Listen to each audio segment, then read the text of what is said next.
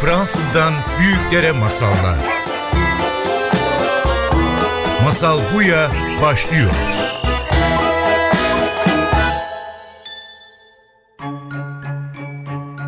Masal Buya'ya hoş geldiniz. Ben Cidit Liberman. Bu programda her hafta anlatma gücünden, hayatımızdaki hikayelerin öneminden, masalların büyüsünden bahsediyoruz. Ve bu hafta bizimle stüdyoda Yaprak Sandalcı var. Piyanist, eğitmen ve yazar ve beraber klasik müziğin ve masalların bağlantısından bahsedeceğiz. Yaprak hoş geldin. Merhabalar, hoş buldum. Çok mutlu oldum birlikte olduğumuza. Yaprak sana ilk sorum. Hı hı. Bu programda zaten hep öyle açıyoruz. Tamam. Sen çocukken masal dinledin mi? Sana masal anlatıldı. Anlatılmışsa hangi masal hatırlıyorsun? Var mı? Hmm. Hatırladığın çocukluğundan kalan bir masal.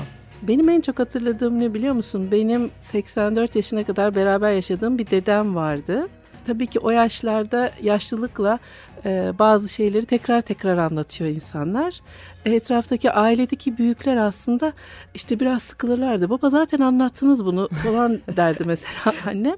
Ben de hayır hayır ben çok istiyorum bir daha bir daha o anlatsın diye. Onun mesela işte Birinci Dünya Savaşı'nda Şam'a gittiği, nasıl gittiği, e, yollarda nasıl yürüdükleri, susuzlukları yani gerçek hayat hikayelerini masal gibi dinliyordum ve sayısız defa anlatıyordu. Onun için de mesela ben çok yaşlılarla çok küçük çocukların bir arada olmalarını çok önemsiyorum. Çünkü birisi bir şeyi 500 kere dinlemek istiyor. Öbürü zaten anlatıyor tekrar tekrar. 500 kere de anlatmak istiyor. Tam evet, bir ve tam uyum. bir uyum oluyor. Yani dedemin mesela oturup bir masal anlattığını bilmiyorum ama kendi hayat hikayesi masal gibi dinliyordum onu. Harika o zaman Ve hayat şimdi de mesela ben büyüdün. 12 e, yaşındayken onu kaybettim. Normal olarak 12 yaşına kadar yaşadığım bir insandan çok az bir şey hatırlayabilirsin. Ama onun anlattıklarını tekrar tekrar dinlediğim için hiç unutmadım. Harika. Onun hayat hikayesiyle evet, büyüdün. Evet öyle büyüdüm. Ona şey derdim. Dedeciğim seni aya kadar seviyorum derdim. En uzak yer aydı benim için. Sonra hayatım boyunca mesela en sevdiğim insanları e, ifade etmek istediğimde seni aya kadar seviyorum Harika. diye hep söyledim. Çok ilginç. Geçen hafta bu programda seni tuz kadar sevdiğim masalı anlattık ve orada da şey var yani sevdiğin insanlara onları ne kadar sevdiğini nasıl ölçebilirsin? Evet. Ölçülür mü? Nasıl söyleyebilirsin? Nasıl dili dökebilirsin var olan sevgin ve aşkın? Evet, tam ondan bahseden bir masal. Seni tuz kadar sevdim bu sefer seni aya kadar yani sevdim. O, o kadar uzak. sonuna kadar açıp böyle gerine gerine. Seni aya kadar Aya sevdim. kadar seviyorum diye. Harika. Ve şimdi sen de çocukları alıyorsun hem onlara müzik öğretiyorsun ve bu müzik öğretimin içinde masal var. Ayrıca müzik öğrettiğin çocuklara müzik eşliğinde masal anlatıyorsun. Evet. Müzik masal anlatabilir mi? Evet anlatabilir. Ben bu kendi yarattığım nota öğretme metoduyla ilgili bir şey anlatayım. Nasıl yola çıktı? Ee, hep daha küçük çocuklarla başlamak istiyoruz. Yani çünkü Kaç yaşında başlıyor senin mesela, öğrencilerin? Benim öğrencilerim üç buçukta başlıyor ama e, normalde piyano çalmak isteyen veya keman çalmak isteyen çocukları dört yaşında istiyoruz aslında. Dört, dört buçuk yaş ideal oluyor. Hani hep şeyi örnek veriyorum ben. Hani diş teli takmanın bir yaşı var değil mi? Yani 25 yaşında da takarsın ama ne kadar daha zor olur. Ama öbürü hamur gibi 8 e, yaşında takarsan şıp diye düzeli veriyorsun bir sene içinde. Bunun gibi en enstrümana başladığın zaman da o zaman her şeyin yumuşacık, hiçbir tarafın kasılmamış, tam doğru şekli verebileceğin bir yaştasın.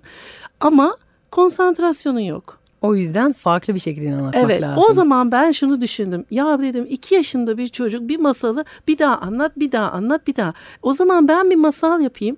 Öyle bir masal olsun ki içinde ben notaları öğretiyor olayım. İçinde bir bilgiyi versin ama çocuk durmadan onu bir daha anlat bir daha anlat dediğinde ve dinlediği zaman Öğrensin. sadece bir konsept olmasın gözün önünde gerçekleşsin. Çünkü masalın gücü bu. Aslında söylediklerimiz bir bilgi olarak değil aslında aktarmak istediğimiz bilgiler bir duyu malzeme içine koyuyoruz. Görülebilir, duyulabilir, koklanabilir bir malzemenin içine koyuyoruz ve bilgi birden hissedilir hale geliyor. O yüzden çok canlı. Doğru. İşte Porte Şatosu'nun esrarı diye bir masaldı o mesela. E, şatonun her katında bir karakter çıkıyor. O mesela işte şatoyu ilk defa bir solucan keşfediyor. Adı Sol. Hmm. Ondan sonra işte bir midye geliyor ama denize dönmesi lazım. Onu ikna etmesi lazım işte şatoda kalsın diye. Ona diyor ki birinci kata yerleşirsen denize çok yakın. Gider gider ıslanır gelirsin. Ha. Ya o, o, o zaman o mantıkla işte midyenin adı mi? O birinci katta. İşte üçüncü kata sinek geliyor ama çok yaşlı ve yorgun. E diyorlar sen yüksekte otur ki rahat uçasın gibi. Bu tür Si. mantıklarla ve o masalı durmadan dinlemek istiyor. Bir de her dinlediğin zaman birden bir mantık oturuyor. Tabii Çünkü ki. normalde öğreniyoruz ki si, işte si denen bir e, nota var. Evet. İşte o portrede bu satır Üçüncü üstünde satırda. yazacaksın. Evet. O kadar yani öğrenmen gerekiyor böyle ama birden bir anlam var. Ay, evet. Anlamlandıran e, cümleler var, bir görsel var. Onunla Evet. beraber bir Evet. hikaye var, akılda kalıyor. Müthiş. Her bir nota için, hikayenin için Bir hikaye var. bu şatonun içine nasıl ve nerede yerleştiğini anlatıyorsun. Ve onun mantığının olması çok önemli. Bir daha hayat boyu hiç müzik aletiyle uğraşmasa bile ben yıllar sonra mesela 3-4 yaşında çalıştırıp da bir daha hiç müzikle uğraşmamış öğrencilerimi gördüğümde hiç unutmuyorlar. Halbuki Aslında- normalde e, onu soyut olarak öğrenen herkes kullanmadığı zaman unutuyor. Ama bunu kullanmasa da unutmuyor. Tıpkı çocukken duyduğumuz masallar Aynen. hiç unutmadığımız Evet, gibi aslında. Evet. Aslında çocuklara öğrettiğimiz her şey bir masal içinde koysak keşke yani her eğitmen senin yaptığın gibi ben bunu küçük çocuklara gerekiyor bu konuda yaratmak işte. lazım. Düşünmemiz gerekiyor. Ama çocuk denilen şey zaten 80'lerde keşfedilmiş bir şey. Yani ondan önce çocuğa küçük insan muamelesi yapılıyor. Yani 80'lerde ilk defa çocuk için ayrı bir edebiyat oluşturulmaya başladı. Dikkat edersen aslında mesela her büyük yazarın bir tane çocuk için yaptığı bir şey var ama kendi çocuğu olduğu zaman yapıyor. Çünkü o zaman ilham geliyor o zaman. Çünkü evet. bir ihtiyaç duyuyor onunla iletişim kuracak diye. Mesela şiir kitaplarında da vardır, eserlerde de. Ama ben mesela öyle olmak istemedim. Ben hiç çocuğum yokken sadece çocukla ilgilenmeye başladım ve başka bir şeyle de ilgilenmeyeceğim dedim. Hep benden şey istediler bir sürü insan. Ya tamam işte çocuk için şey yapıyorsun da artık hani büyükler için yapsana. Ya hayır ben ömrüm boyunca sadece çocuk için bir şey yapacağım. Ama doğru biliyorsam senin metodun özel bir ayrıntı. Sen çocuklar tek başına almıyorsun. Evet, Ebeveynlere de Evet, müzik dersi tabii ki, veriyorsun. Tabii ki. Nasıl? Bu- Bundan bahseder misin biraz Ya bize? şöyle bir şey. Şimdi siz 4 yaşındaki bir insanla bir saat yalnız başına geçirirseniz ondan çok güzel vakit geçirebilirsiniz. O an bir şeyler de öğretebilirsiniz. Müzik öğretirsin. Tabii ki öğretirsin. Ama ben şimdi bu insanı aldığımda ben 6 ay sonra önüne her konulan notayı okunabilir bir insan haline getiriyorum. Şimdi bu çocuk o odadan çıktığında hangi kitabın kaçıncı sayfasını açacağını, ne yapacağını falan bilemez ki. Yani eve gittiğinde ne, neyi çalışacak o? Ya o çalışacağı materyali mutlaka yanındaki biriyle çalışması lazım. E ve bu aslında aileler içinde çok nitelikli oyun oynayarak geçirdikleri bir zaman oluyor. İşin acıklı olanı şu ki bugüne kadar daha hani kendisi müzisyen olmayıp da e, nota okuyabilen hiçbir ebeveyne rastlamadım. Ve herkes lisede her sene bir, bir müzik dersi görüyor yani. Ama herkes unutuyor. Çünkü İşte belki masallar unutuyor. anlatılmadı. o Masallar yüzden sen aslında bu olabilir. dersler hem ebeveynleri hem çocuklara beraber veriyorsun. Evet. Aileler müzisyen olsun diye. Aynen öyle. Ve ben şey diyorum zaten ben bir şey yapmayacağım. Ben size sadece yolu göstereceğim. Çocuğunuzun yaptığı şeyi e, gelişimi siz sağlayacaksınız. Harika. Ve sen diyorsun bu masallar, bu masal öğretim çocuklar için ama aynı zamanda klasik müzikte hiç Evet. çocuklar için olmayan bir sürü masal var. Masallar klasik bestecileri e, ilham, İlham vermiş, veriyor. evet. Nerede yer alıyor bu masallar? Şimdi e, klasik müziği ikiye ayırmak mümkün. Bir tanesi saf müzik, absolut müzik dediğimiz şey. Mesela bütün konçertolar, senfonilerin e, bir sürüsü buna giriyor. Bunların herhangi bir ismi yok. Bunun içerisinde sen doğrudan müzikle iletişim kuruyorsun. Bir de programlı müzik dediğimiz bir tür var. Bunun içerisine onun alt kollarını ayırırsan mesela bütün vokal müzikler de girebilir, şarkılar Şarkı. girebilir. Bütün operalar girebilir. Bir de hiçbir sözü olmayan anlatıcısı olan bazı eserler girebilir. Bir de hiçbir anlatıcısı olmayıp ama kendisinin ismi olan. Yani mesela diyelim ki e, Korsakov'un Şehrazatı. Korsakov'un Şehrazatını bir absolut müzik gibi de dinleyebilirsin istersen. Yani sadece klasik müzik, Evet, hiçbir şey anlatmıyor hiçbir şey, gibi. e, hiçbir şeyini bilmeden de dinleyip onunla kendin bir bağ kurabilirsin. Ama onun anlattığı bir şey var. Şimdi eğer onu biliyorsan o zaman başka türlü dinlersin. O zaman gözünde bir şeyler canlandırarak. Canlanır, o karakterler Ama bu işte canlanır. müzisyenler arasında da ikiye ayrılınmış bir şey bu. Bazısı bunun daha düşük seviyeli bir şey olduğunu düşünüyor. Daha e, yani bir araç gibi bir şey anlatmak için kullanmaya başladı. aynen öyle. Kendisi için değil. Evet ama ben de şunu diyorum. Diyelim ki öyle düşünüyorsunuz. Absolut müzik en önemli müziktir düşünüyorsunuz. Tamam. Ama bir çocuğun oraya o zevki almaya ulaşabilmesi için önce bu yoldan geçmesi lazım. Ben şey hatırlıyorum. Çocukken klasik müzik dinlemeyi öğrenmek için e, Peter ve Kurt şey Kurt, evet. Türkçesi de Peter'le Peter, Kurt. Peter'le Evet, Kurt. evet, Peter'le Kurt müthiş. dinliyorduk ve e, şey hatırlıyorum Peter'le Kurt Prokofiev'in. eseri e, orada hayvanlar takip Evet, ediyoruz. evet. Yani her hayvanın enstrümanı var ve tarzı var ve bu bize şey öğretiyordu çocukken. Müziğe bir şey hayal ederek Dinlemeyi. e, dinlemeyi, ayırt etmeyi, enstrümanları, bize verdiği duyguları. Tabii. İşte bir ördek ne ses yapar, bir kurt ne O ses yapar. ördek yapıyordu mesela. Ee, şey e, fagot e, büyük baba, klarnet kedi. Evet ve bunu yaptıktan sonra bütün karakterleri klasik müzik olarak takip ettikten sonra birden herhangi bir müzik eserine bakıp herhangi bir klasik müzik eseri dinleyip içinde var olan gizli masallar hayal edebilme şansım oldu. Ya da bu saf müzikler bir hikaye anlatmayan müzikler birden içimdeki masalları tetikleyip içimdeki hayal tetikleyip beni başka yerlere götürebildi.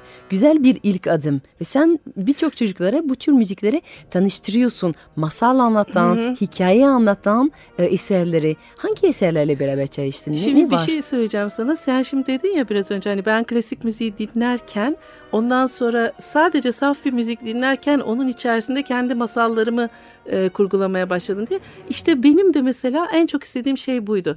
Ya müzisyenler sürekli olarak bir hikayeyi müzik haline dönüştürebiliyorlar. E, Onu bazen birebir takip ederek yapıyorlar. Diyelim ki opera yapıyorsan zaten sözleriyle de takip edebiliyorsun hikayeyi. Ya da mesela Beethoven'ın e, Pastoral Senfonisi. E, oradaki bütün doğa şelalenin akışını, göklerin gürlediğini hepsini hayal edebilirsin. Çünkü neredeyse hani efekt aletleri yokken onlar orkestrayla bütün efektleri yaratmışlar sana. Müzik de gerçekten anlatıyor. Tamamen, gözünün satır satır yani anlatıyor. Onu yanılamazsın. Yani burada gök gürültüsü varken burada kuş şakıyor diyemezsin. O çok belli bir şey yani. Ee, şimdi ben de şeyi düşündüm. Ee, niçin yani var olan bir müziğe niye masal yazmıyoruz biz? Ters yoldan gitmek istedim.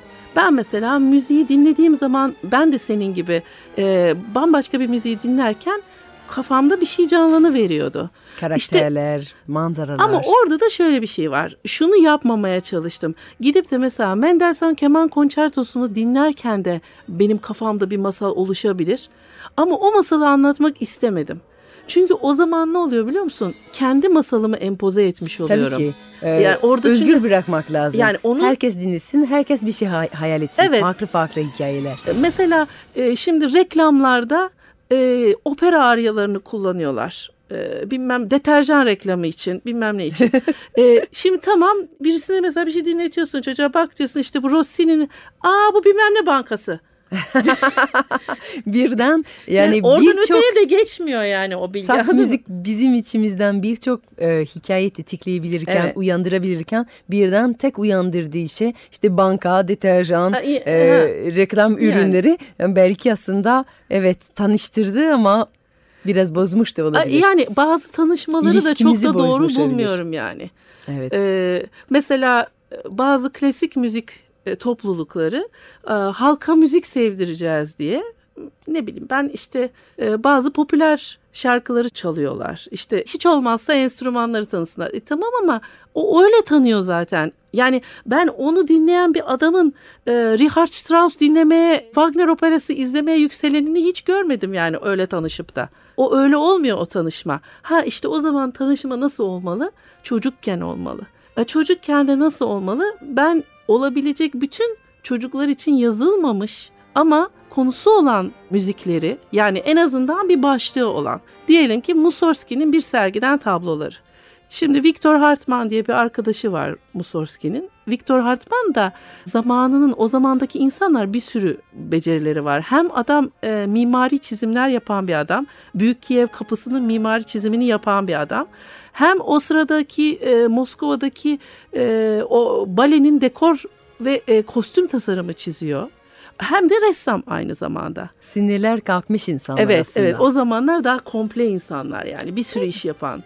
Hala öyle olabiliriz değil mi? Ama biraz şimdi sanki oraya doğru gidiyoruz değil mi? Yani o uzmanlaşma sadece bir çipin uzmanı olmaktan Evet. şimdi biraz çıkılıyor sanki. Umarım öyle yani uzmanlaşmak beni... Bence biraz Yani- oraya doğru gidiliyor. Evet. Mussorgsky de Viktor Hartman'ın çok genç yaşta ölüyor.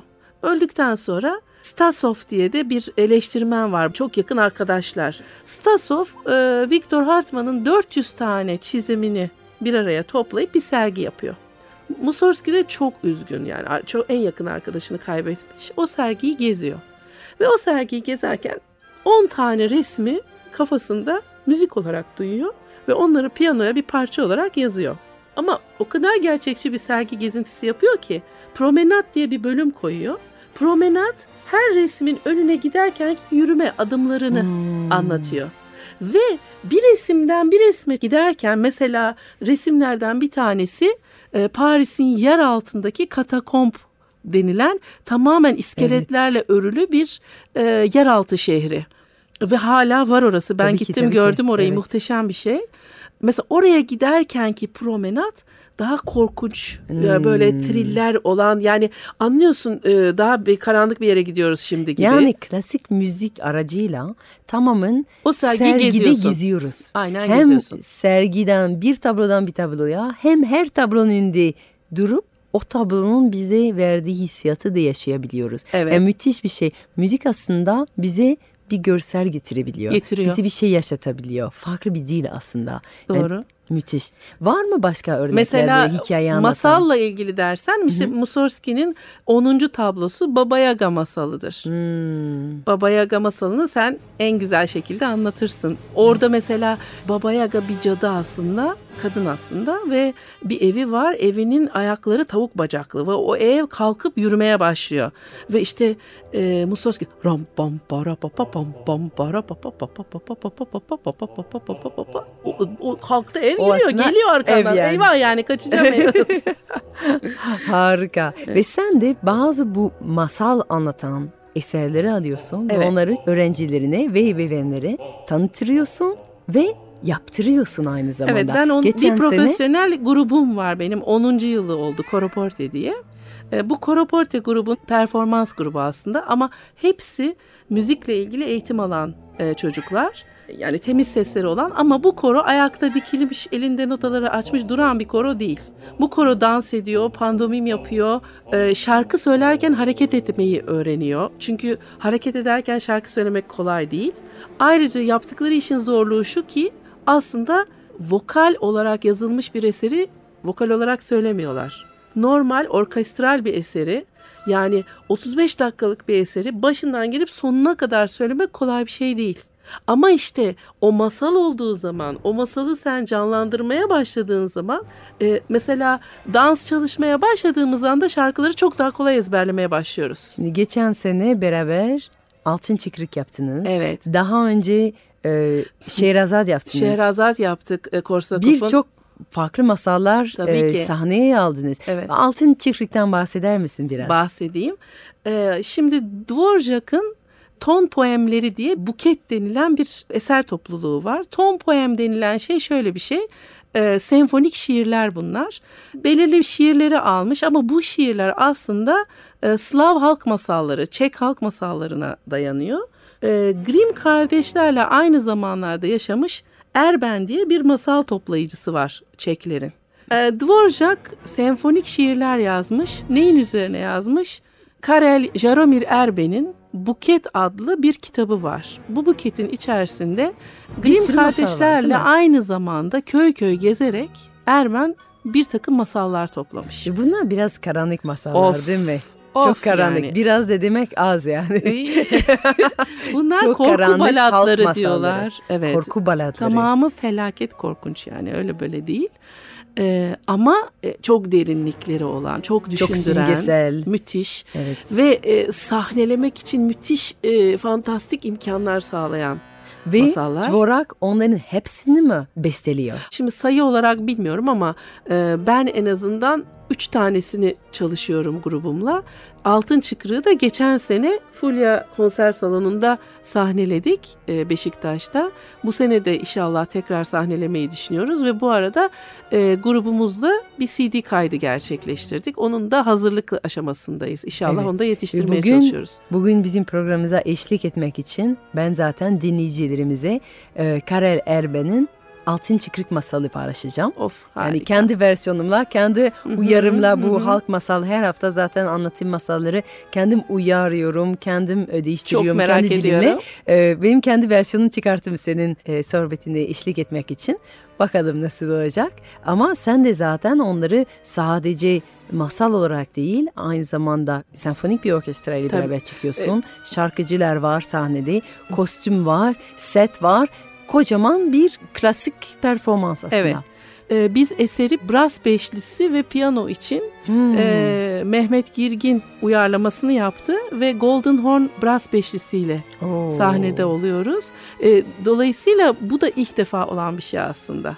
Ee, Evet. hem yeri yani çocuklarımız kalabalık e, hem değişik enstrüman gruplarını tanıtmak adına hem de sahneyi daha rahat kullanmak için biraz daha küçük gruplarla Ve yapıyoruz. Dvorak normalde onları anlattığı zaman sözsüz anlattı Tabii değil mi? ki, hiç Sadece söz müzikle. Evet. Yani masalı anlatıyor, klasik müzikle anlatıyor. Tamamen masalı anlatıyor ama hiç söz koymadı. Evet. Sen ama bunu sahnelediğin zaman söz yazdın, Türkçe Aynen, sözler bütün yazdın. melodiyi aldım baştan sona hikayeyi ama mesela e, şu enteresan bir şey Dvorak'ın eserinde hikayeyi baştan sona takip edebiliyorsunuz. Nerede kapı vurdu, nerede kim geldi, nerede ne oldu bir bir arka arkaya böyle gidiyor masal. Onun için rahat bir şekilde yazıyorsunuz sözleri, o şiiri buraya adapte ediyorsunuz şarkı olarak. Yani ben şiirin konusunu alıyorum kafama. Ondan sonra başlıyorum müziği dinlemeye. Durmadan dinliyorum. Hiç durmadan dinliyorum ve ondan sonra başlıyorum şarkı olarak söylemeye. Ondan sonra o sözler ona dönüşmeye başlıyor. Ama mesela Korsakov'un Şehrazat'ında başına özellikle not yazmış Korsakov. Diyor ki ben hiçbir hikayeyi baştan sona anlatmadım. Hikayelerdeki imgeleri karışık bir şekilde kullandım diyor. Mesela ilk bölümü Simbat'tır Korsakov'un Şehrazat'ının. E şimdi ben ne yapacağım? Aldım ben baştan sona söz yazmam lazım benim için. Halbuki Korsakov herhangi bir Simbat hikayesini anlatmıyor. O zaman 7 tane Simbat hikayesini de koydum önüme. Onları okudum okudum okudum. Bıraktım attım kenara başladım müziği dinlemeye. Birinde yılanı gördüm. Birinde işte denizdeki dalgalarla geminin nasıl parçalandığını gördüm. Ondan sonra o 7 simbat hikayesinden ben kendi bir simbat hikayemi oluşturdum. Tam bir masalcın işi yaptın aslında. Evet. Çünkü biz de masal anlattığımız zaman hep diyoruz bir masalcı mutlaka kendine has versiyonu geliştirir.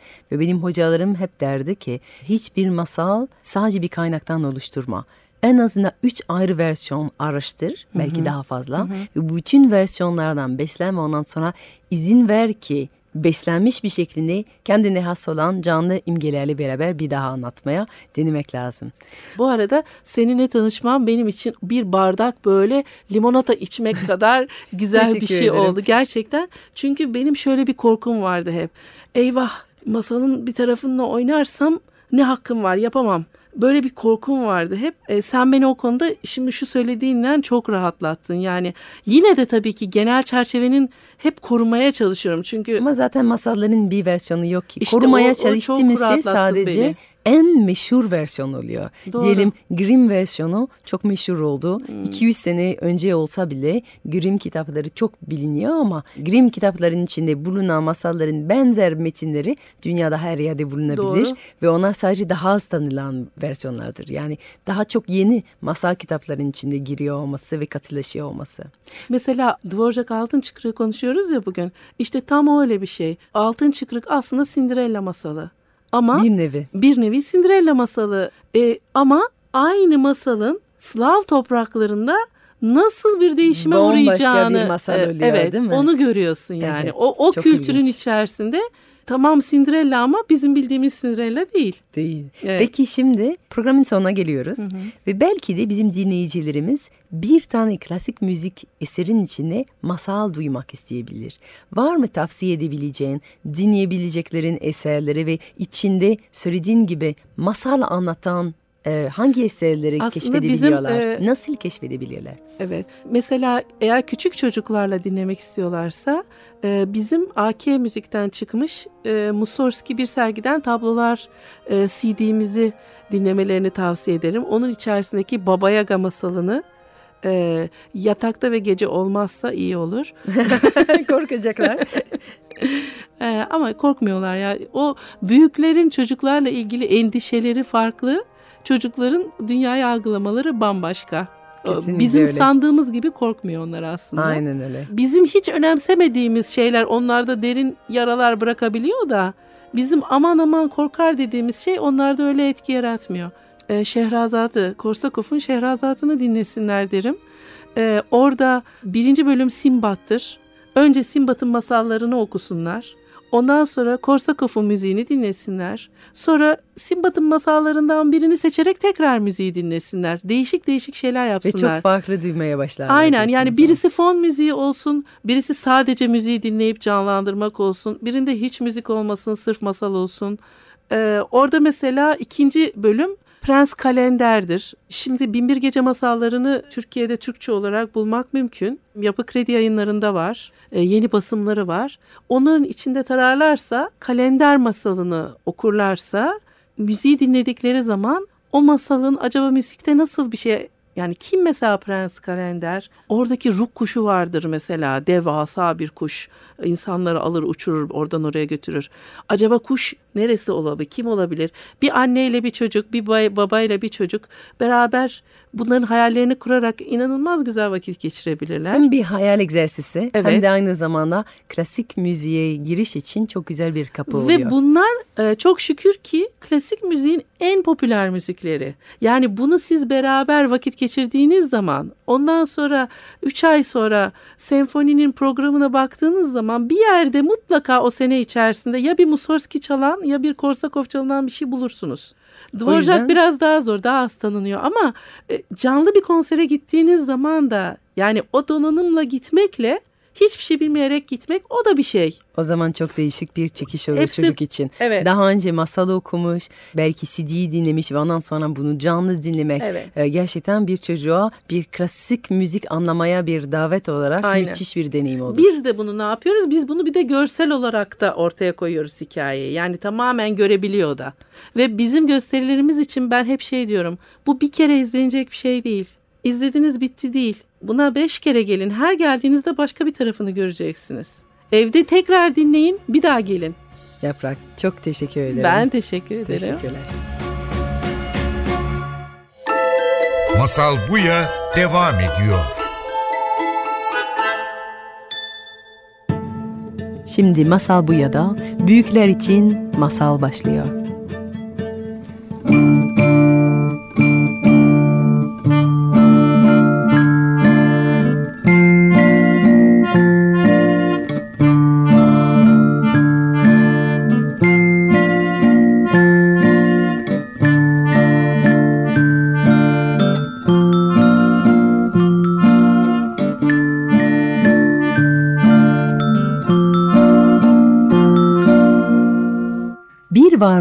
Bir yokmuş.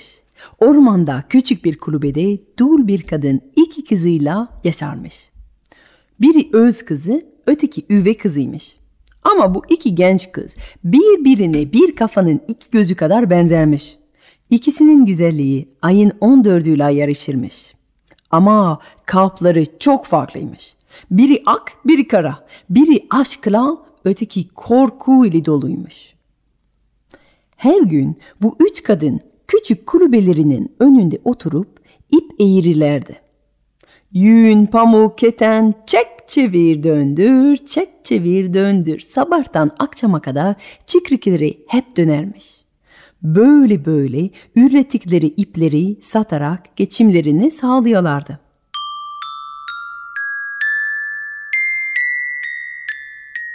Bir sabah üvey kardeş dolabını açıp ağlamaya başlamış. Ay annem annem bana bak. Annesi bir tanecik kızının ağlamasını duyunca hemen koşarak odaya girdi. Ne oldu tatlım, kuşum, ciğerim, hayatım nedir seni güzel hemen söyle çözelim. Ama annem annem görmüyor musun? Sabahtan akşama kadar krallara ve kraliçeleri layık ipince yumuşacık ip eğiriyorum. Ve benim dolabıma bir bak ancak on tane sıradan elbisem var. Hani bana hani bana yok bana hep yokluk hep yoksulluk. Bunu duyan annesi kızına sarılmış. Yarın kızım sen ve ben gideriz şehre. Elimizde çok yok ama sana güzel bir kumaş alırız. Saçlarına takacak kurdeleler. Elbisen için oyalı bir yaka merak etme. Bir prensle evlenecek kadar güzel olursun kızım. Ve böylece bir sonraki sabah gitmişler. Üvey kızı Dora'ya bir ihtiyacı, bir isteği olup olmadığını sormadan üvey annesi sadece dönüp ona ben yokken kimseyle konuşma. Ateş sönmesin, çıkrık hep dönsün sabahtan akşama demiş ve gitmiş. Genç Dora onları el sallayarak yolladı ve tek başına evde ip eğirmeye devam etti. Yalnız olunca tabi saatler uzuyor. O yüzden Çıkrık'ın ritminin eşliğinde Dora şarkı söylemeye başladı. Yağmur yağar taş üstüne ince kalem kaş üstüne. Selam gelir baş üstüne Vay deli deli kuş deli deli Mevlam kulu. Sevdim seni Vay deli deli kuş deli deli vay. Vay deli deli kuş deli seni Vay deli deli kuş deli deli vay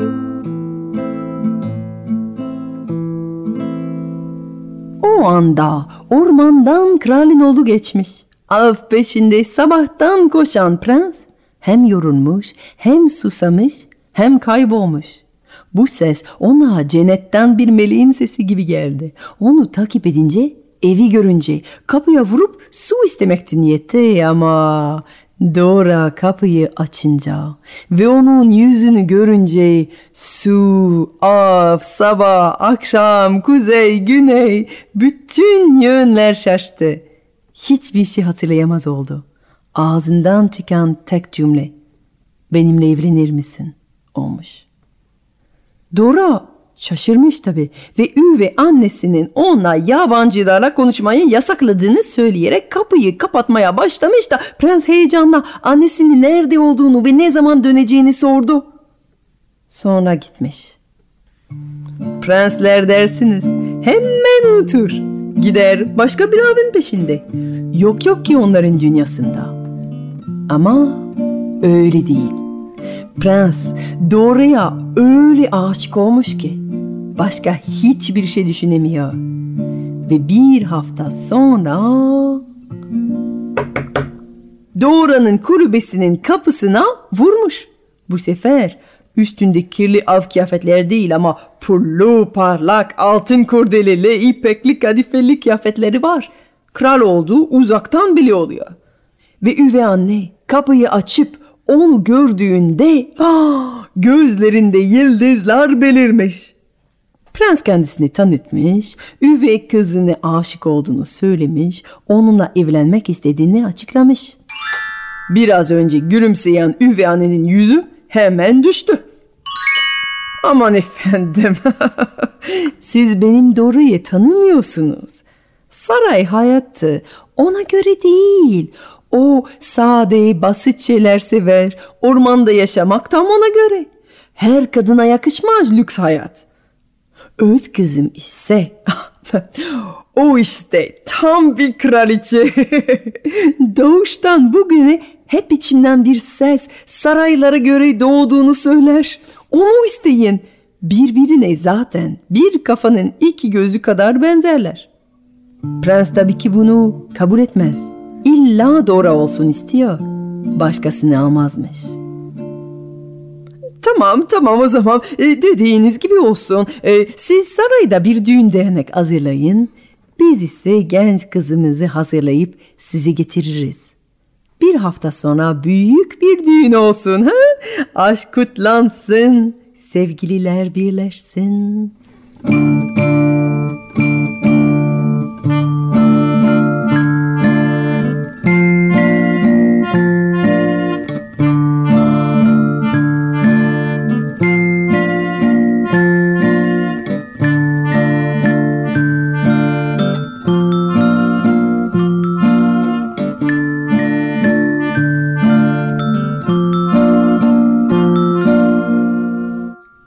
gittikten sonra üvey anne içeriye gitti. Haydi Dora, haydi kızım. Kafana tali kuş kondu. Sevin, rahatla. Bitti senin için bu fakir hayatı. Artık senin için şerbetle, ipekle, ziyafetli günler geliyor. Hazırla kendini. Toparla eşyalarını. Yarın yola düşeriz. Ormanın öteki tarafında bulunan saraya gideriz. Prens seni bekliyor. Senin için bir düğün hazırlıyor. Ha? Haydi hazırla kendine. Daha ormanı geçmeden sen unutmuş olursun bizi. Fakirlik. Yoksulluk. Senin için uzak bir düş. Uzak. Çok uzak bir bulut olur. Haydi. Hazırla kızım. Hazırla. Anne, neden bu bıçağı aldın? Neden bu uzun bıçağı taktın kemerine? Aman kızım, yılanların gözlerini oymak için tabii ki. Ormandan geçmek kolay değil. Kardeş, neden bu baltayı yanında aldın? Aman kardeş, vahşi hayvanların uzuvları kesmek için tabii ki. Ormandan geçmek kolay değil. Yola çıktılar üçü beraber. Ormanın karanlığa doğru. Kayalık bölgelerinden geçince ''Ya sensin yılan, sensin hayvan'' diyerek Dora'yı arkadan vurdular. Gözlerini oyup ellerini ve bacaklarını kestiler. Anne, ne yapalım gözleriyle, uzuvlarıyla? Gel kızım götürelim onları yanımızda. Ne rüzgar ne doğa. Hiç kimse onu tekrar getiremezsin bir araya. Yola tekrar koyuldular. Şehre gelince üve kardeşi başına bir duvak geçirip Dora'nın yerini aldı. Zaten bir kafanın iki gözü kadar benzer birbirine Prens düğün heyecanından hiçbir şey fark etmemiş. Düğün kutlandı.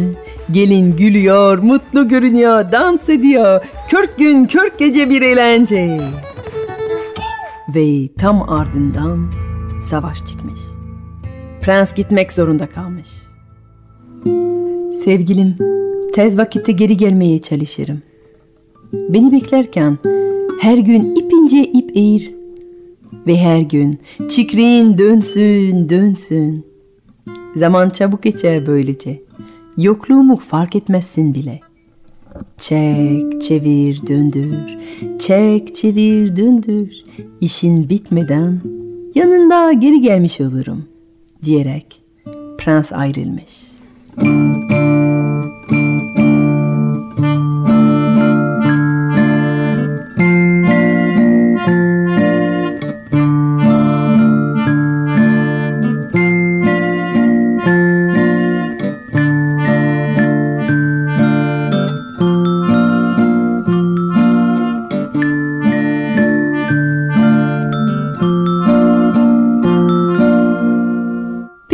bırakalım üvey anne ve üvey kardeşi haber veririm ormanda duran zavallı Dora'dan. Altı gün altı gece altı yaradan kan kaybetti. Yedinci gün ise yaşlı bir bilge onun bedenini buldu. Kulübesine getirip temizledi, sonra da bir güzel can suyu ile yıkadı. Yaşlı anne soru sormuyor, biliyor. Yaraların kimden nasıl olduğunu, kıskançlıktan, korkudan, doyumsuzluktan hepsini biliyor. Raftan saf altından bir teker indiriyor. Parlak mı parlak bir çıkrığın tekeri ve şehrin yoluna koyuluyor. Sarayın pencerelerin altında dolaşıp geziyor. Prenses hemen bu parlak mı parlak tekeri görünce onu istiyor. Yaşlı anne ne istersin bu tekerinin karşılığında? Altın var, para var. Yaşlı anne, ay kızım bu eski püskü ne altın ne para isterim. Yok, bunun fiyatı hmm, iki bacak olur. Sen de varsa ver, senin olur.'' Üvey kızı hiç tereddüt etmeden hemen Dora'nın bacaklarını veriyor. Ve yaşlı kadın eve gidip gövde ve bacakları bir araya getirip can suyu ile can vermiş. Sonra raftan altından bir çıkrığın pedalını indirmiş. Parlak mı parlak pedalla sarayın pencerelerin altında gezmeye başlamış. Prenses hemen onu istiyor. Yaşlı anne ne istersin bu pedalın karşılığında? Altın var, para var. Yaşlı anne, ay kızım bu eski püskü şeyi ne altın ne para isterim. Yok. Bunun fiyatı hmm, e, iki yel olur. E, sen de varsa ver senin ne olur. Üvey kızı bu garip fiyatı duyunca biraz duruksadı. Ama onun altın tekerine tam eşlik edecek bu pedal lazım. Artık ne olursa olsun prenses olmuş ve prenses olarak hala ip eğilecekse onun kesinlikle saf altından bir çıkrıkla yapacak. O yüzden Dora'nın ellerini vermiş. Ve yaşlı kadın ormandaki evine gidip gövde ve elleri bir araya getirip can suyu ile can vermiş.'' Sonra raftan saf altından bir çikriğin bobinini indirmiş. Parlak mı parlak çikriğin tamamlayacak son parçası. Şehre gidip sarayın pencerelerinin altında gezmeye başlamış. Prenses çok sevdiği altın çikriğin son parçası görünce sevinçten hemen yaşlı kadın çağırmış. Yaşlı anne ne istersin bu bobinin karşılığında? Altın var para var. Yaşlı anne Ay kızım bu eski püskü şeyi ne altın ne para istemem. Yok yok. Ee, e, bunun fiyatı hmm, iki göz olur. Sen de varsa ver. Bobin senin olur. Prenses iyice şaşırmış bu sefer. Ama Bobin'i çok istemiş o yüzden Dora'nın gözlerini vermiş. Ve yaşlı kadın ormandaki evine dönüp gözleri yerleşip can suyu ile can verdi. Bu sefer Dora derin bir uykudan uyanır gibi hayata geri geldi. Sarayda kutlama var. Prens savaştan geri gelmiş.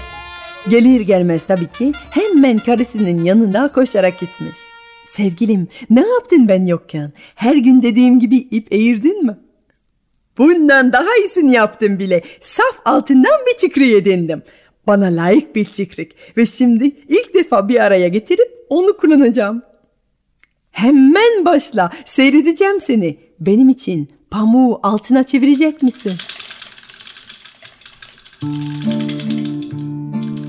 Kana bulaşmış ellerinde Yalana sarmış hikayende. Geldin saraya Amadora, Amadora Ormanda uyuyor. Prens bunu duyunca ne değişik bir ses çıkartıyor bu çıkrık. Durma durma devam et demiş ve titrek elleriyle üvey kardeş çıkrıyı döndürmeye devam etti.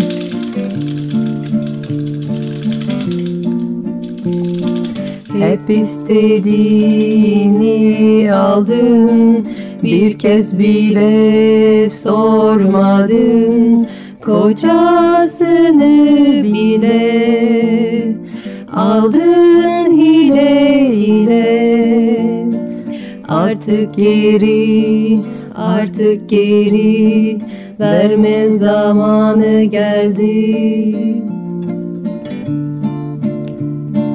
Prens tekrar durma devam dönsün deyince üvey kızı çıkrık döndürmeye devam etti.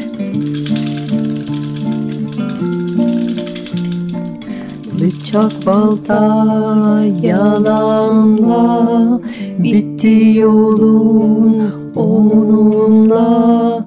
Bir de aldın koca yerleştin saraya.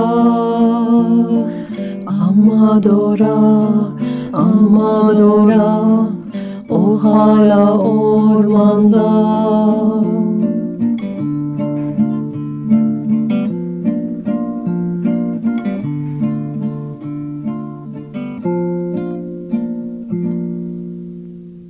Prens bunu duyunca bütün hikayeyi birleştirip anladı.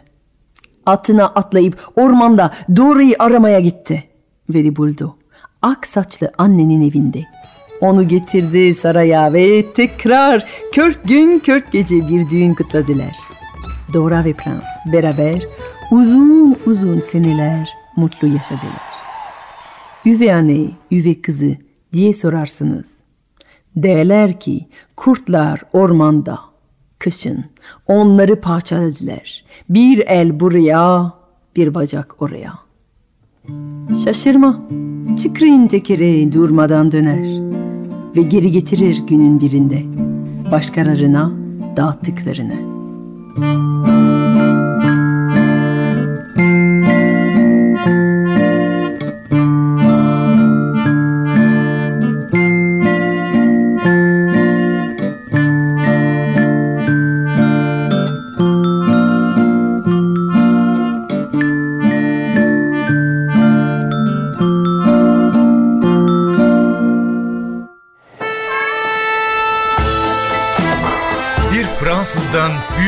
Masallar. Masal Buya sona erdi.